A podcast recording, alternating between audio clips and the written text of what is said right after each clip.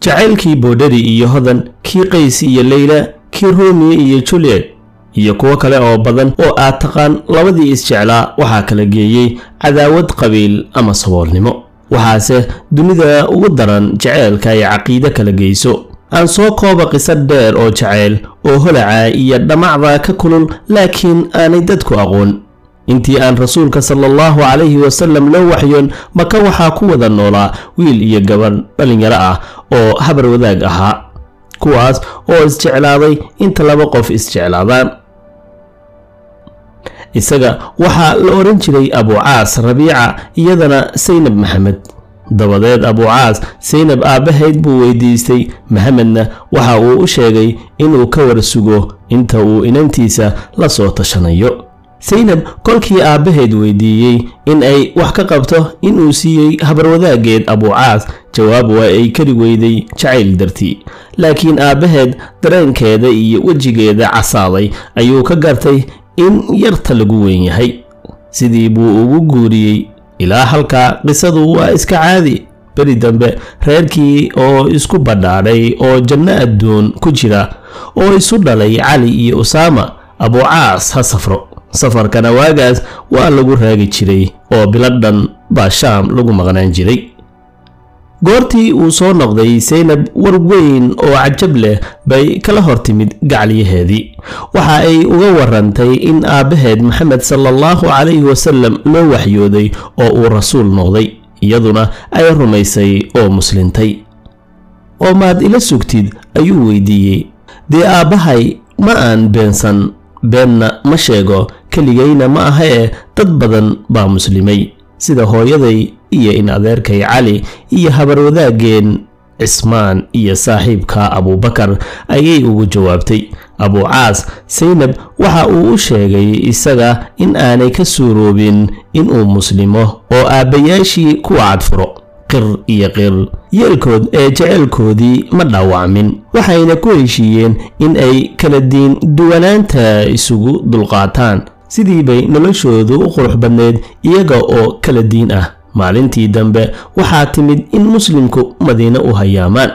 Labadii isxigay iyo labadii isjeclaaba wakhtiga ayaa kala dhaqaajiyey. Iyada oo ilmeynaysa ayay rasuulka u timid waxaayna weydiisatay inuu u oggolaado in aynan la haajirin ee ninkeeda la joogto rasuulkuna farxaddeedii wuu u yeelay sala allahu calayhi wasalam ogow waa intii aan weli islaamku guurka diin ku xirin labadii walaalaheed ee ka yaryaraa ee raaqiye iyo umukalhuum waxaa kala guursaday ilmo abulahab mar kale inkasta oo aabbaheed iyo gacalkeedii kale oo dhammi maka ka dhammaadeen haddana nolol jeceyl liibaan leh ayay ninkeeda kula nooleed laakiin qurayshtii maka oo dhammi waxay si walba u sameeyeen ninka u qaaliga ah ee ay jecel yihiin inay ka furaan gabadha maxamed dhalay taas oo ka ahayd fogeyn iyo rixin goysnimo ay muslimka iyo maxamed ula dan lahaayeen.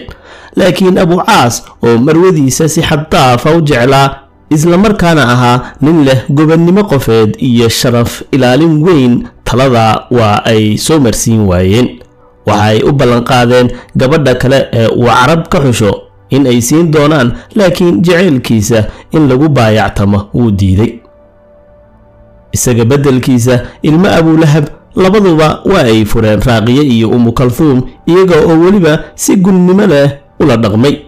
Iyada oo jaceylkooda cid liicisa la waayey ayay mar kale arrin aad u weyn soo korodhay dagaalkii beder oo reer marka iyo reer madiina isku heleen baa dhacay saynab aabbaheed iyo ninkeedii ay jecleed buuna midba dhinac dagaalka kaga jiraa goobtaa birta layska aslay waa tii muslimku ku adkaadeen halkaana abucaas waxa uu ka mid noqday raggii maxbuusnimada loo qabtay markii dambena madax furashada lagu xukumay. Saynab oo awalba welwel iyo murugo u dhammaadeen kolkii ay heshay warka ah in aabbaheed iyo ninkeedii midkoodna dagaalka lagu dilin iyada oo faraxsan bay u qalqaalo gashay in ay hesho madax furashada ninkeeda laga doonayo. Waxa ay heshay oo dirtay silis qaali ah oo aad u qurux badnaa kaas oo ay hadiyad uga heshay hooyadeed khadiija oo iminka sannado sii mootan. Siliskii baa beder la geeyey si abucaas loogu furto dabadeed. Rasuulka ayaa siliskii arkay oo gartay inuu yahay kii marwadiisa khadiijo ee uu aadka u jeclaa ee inantiisu dhahashay. Xusuus adag baa dabadeed ku dhacday. Muslimkii buu arrinkii uga warramay waxa uuna weydiistay inay u oggolaan karaan siliska xasuustiisa qiimaha u leh inay u badbaadiyaan ninkan uu sodoga u yahayna iska sii daayaan si naxariis leh ayay iyaguna uga yeeleen. Dabadeed rasuulka abuucaas buu la gorgortamay.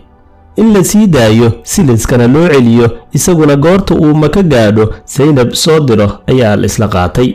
Waayo markii hijrada lagu kala miirmay kadib labada qolo diin ahaan isma gayaan. Abuucaas sida aynu xusnay waxa uu ahaa nin leh qofnimo gobeed iyo keni adayg sidaa darteed waxa uu ku qasbanaa in uu ballanta oofiyo. Waxa uuna saynab u sheegay in ay reerkoodii iyo aabbaheed madiine ugu tagto. Sidii bay noqotay. Jaceyl aan maydhmin oo duugoobin buu ahaaye saynab way ay diiday raggii badnaa ee reer madiina mid qura in ay guurka yeesho. Isaguna naag dambe magacaa ma oran.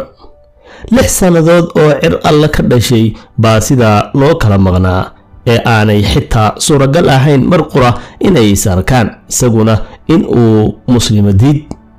Lixdaa sannadood kadib abuucaas waxa uu wadaa safar shaam ka yimid oo maka ku socda oo ah boqol owr ah oo raran ciidan wareymato ah oo muslim ah baa dabadeed safarkii helay oo ku galgashay oo rag wixii ay dileen mooye wixii kale ka ceydhsaday abuucaas firxadkii dhanka maka ma aadin ee madiine ayuu afka saaray. Qoladii soo jebisayna waa ay daba joogaan dabadeed. Habeen madow buu magaalada soo galay waxa uuna hoos u waraystay guriga saynab. Kolkii loo sheegay wuu u soo galay. Weli waa carmal carruurtiisana waa ay haysaa. Farxad iyo jacayl baa la isku bururay miyaad soo muslimtay? Ayay weydiisay. Maya ee baxsad dhuumasho ah baan ahay ayuu u sheegay isma qabaan oo xad bay kala leeyihiin naa magangelye isii ayuu ka codsaday. Waa ay magangelisay laakiin wakhti dheer suuragal ma aha. Maxay yeeshaa haddaba? Waxa ay yeeshay ismidaamin iyo qariska tuurnimo yaab leh. Salaadii subax ayay masjidka rasuulka isku sii daysay. Kolkii la salaamo naqsaday ayay qaybta dambe ee masaajidka samada ka qaylisay abuucaas baan magangeliyey rasuulka sala allahu calayhi wasalam oo u qaadan waayey baa jameecadii ku yidhi war waxaan aan maqlay ma maqasheen. Mar kale ayay qayladii ku celisay abuucaas baan magangeliyey markii la iswaraystay saynab oo aynu jaceylka ay qabto ogeyn waxa ay rasuulka ku tidhi ninkani marka uu ugu fog yahay waa habar wadaagay. Marka uu ugu dhow yahayna waa carruurtayda aabbahood dabadeed rasuulka oo qalbigeeda horeba u ogaa waxa uu la tashaday saxaabada. Waxa ayna la garteen waxa uu talo u garto. Rasuulkuna waxa uu yidhi cidda ay saynab magangelisay waannu magangelinay waxa uuna saynab u sheegay magangelyada in aanay ku jirin naagnimo iyo ninnimo dhex marta. Diinta ayaa mar kale loo bandhigay laakiin wuu diiday inuu muslimo waxaana markaa kadib rasuulku saxaabada ku yidhi ninkani haddii uu wax ii sheego waa runlow haddii uu ballanqaadana wuu oofiyaa. Halkaa waxaa la isla gartay qoladii safarka ka soo dhacday in ay xoolihii oo aan waxba ka maqneen u soo celiyaan. Sidii bayna noqotay dabadeed waxaa loo oggolaaday inuu maka u gudbo qorayshtii maka oo isaga iyo safarkiiba ka quusatay buu hadgalay u keenay waxoodii oo aan mood iyo nool dirhamka maqnayn. Markaas buu mushrikiintii isugu yeedhay una sheegay inuu muslimayo. Sababta uu madiino ugu muslimi waayey markii ay naftiisu halista ku jirtay waxa uu ku macneeyey in uu ka baqay in la yidhaahdo baqdin ama xoola jacayl ama naag buu u muslimay madiine ayuu markiiba ku soo noqday oo rasuulka ku hor ashahatay sidaas buuna mar labaad ku helay jaceylkiisii ay lixda sannadood kala maqnaayeen ee ay isu samreeyeen.